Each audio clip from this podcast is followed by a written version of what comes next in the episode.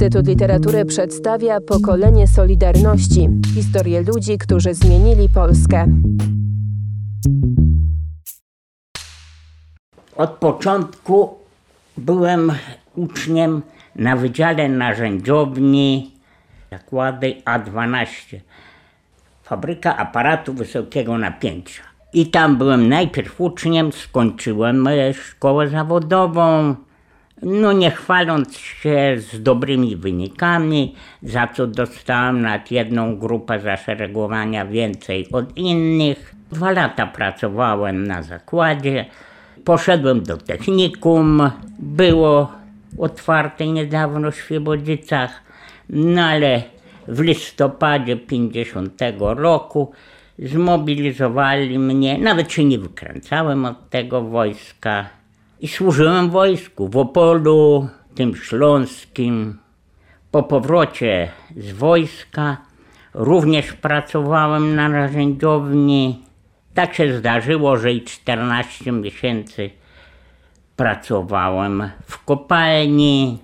Potem znowuż w zakładzie pracy, a w 60 roku przyjechałem na urlop już z żoną i sześciomiesięczną córką tu na przytyki. Dowiedziałem się, że w Poniatowej jest zakład i ogarnął mnie sentyment i postanowiłem wrócić w strony rodzinne. Dostałem również pracę na narzędziowni. Pracowałem 60, 20 parę lat na narzędziowni. W tym czasie zgłosiłem się do technikum wieczorowego dla dorosłych, także się pracowało i chodziło uczyć się. Wiadomo, że poziom był niższy niż gdzie indziej. Skończyłem to technikum, już miałem wtedy trójkę dzieci, jak skończyłem. Miałem 13 lat przerwy w nauce, jakoś z trudem, ale zdałem. Też jakoś tak na wyrost mnie przyjęli do tego technikum. Też chyba dlatego, że w tych ogólnych przedmiotach byłem dobry i mogłem zaimponować. Pomimo trójki dzieci skończyłem z bardzo dobrymi wynikami to technikum i dalej pracowałem. Wtedy było tak, że jak ktoś skończył technikum, to już z reguły dostawał jakieś stanowisko mistrza, brygadzisty, kogoś tam jeszcze.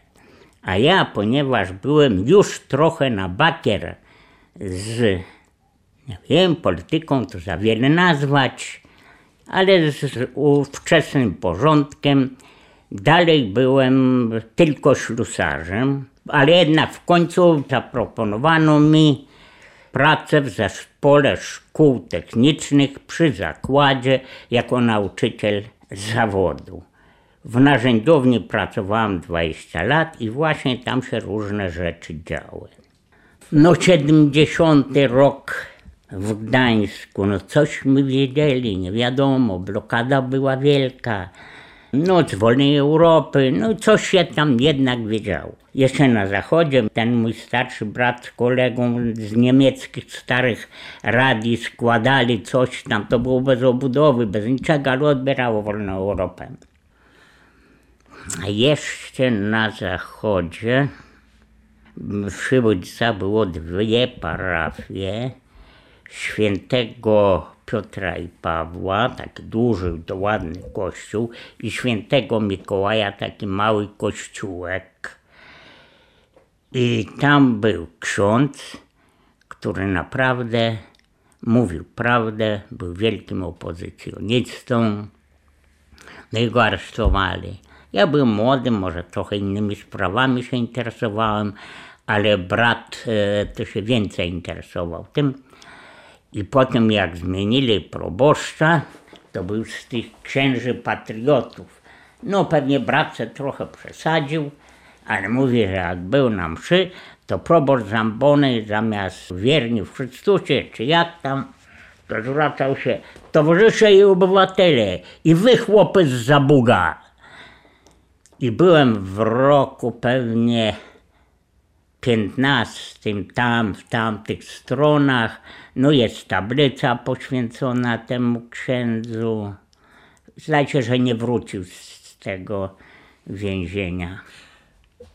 A moja jedna historyjka właśnie wtedy, w 50, czyli w kwietniu, pojechałem na ten zachód. Pewnie to już był 51, chodziłem do tej szkoły zawodowej. Z tym kolegą w jednym blokuśmy mieszkali, który mi zaproponował tę szkołę. Zbliża się 1 maja. I wpadło nam coś do głowy, żeby coś zbroić. Ile 150 metrów od nas był taki ładny hotelik po niemiecki i tam mieszkali Grecy, ci z powstania Markosa, którzy tu uciekli do Polski po upadku powstania i w tym hoteliku mieszkali. Pracowali z nami, nawet znałem chłopca, który był młodszy ode mnie, z taką szramą od jakiegoś zranienia. No ludzie jak ludzie. I na 1 maja zrobili, zaraz taka płynęła czarna rzeczka, bo to ze spółczek z, z Wałbrzycha, przy tym hoteliku i oni tuż na skarpie zrobili ładną planszę. Po środku biały orzeł, naturalnie bez korony, na, biało, na tyle biało-czerwonym. Z jednej strony rosyjski symbol, sierp i młot i coś tam jeszcze, a z drugiej grecki.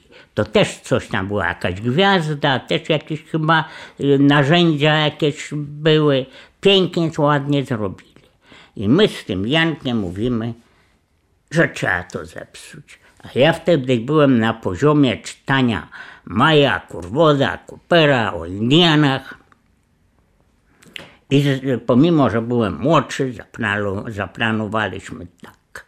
Wieczór, e, czyli 31 kwietnia, wybraliśmy się, to górski teren był, w górę rzeki pół kilometra, wycięliśmy takie kije trzymetrowe, buty związali i na ramię przerzucili, woda była po kolana, doszliśmy do tych emblematów i od strony rzeki nie wychodząc tymi kijami grecki i radzieckiśmy rozwalili.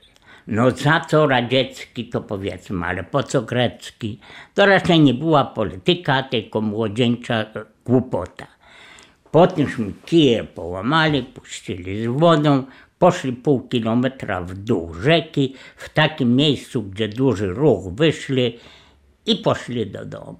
Rano patrzymy przez okna, bo było widać, a tam samochody, milicja, cywile z psami i węszyli, i szukali. A myśmy, tam nam wypadało na iść, bośmy na pochód 1 maja, tamtędy nam wypadało iść. Zawrócili nas, no i takśmy to sprytnie zrobili, że się nie wydało. A był duży szum wokół tego. A czy to, to jeszcze nie była polityka.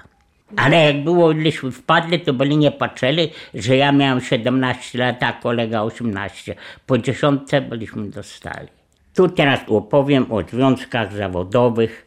Anegdotka, ale prawdziwa, jak to niby one wyglądały. Eda, wczesne lata 50.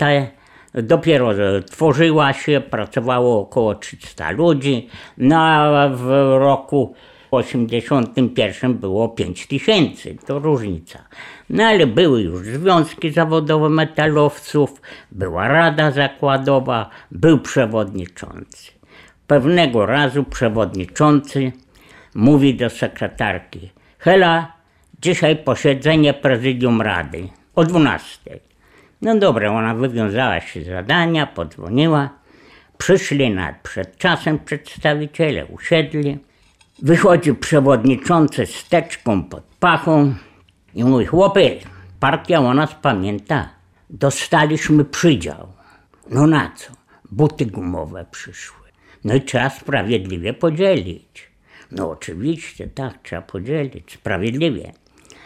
I mówi, czy przewodniczącemu to buty się należą? Wszyscy jednym głosem, tak, oczywiście, należą się.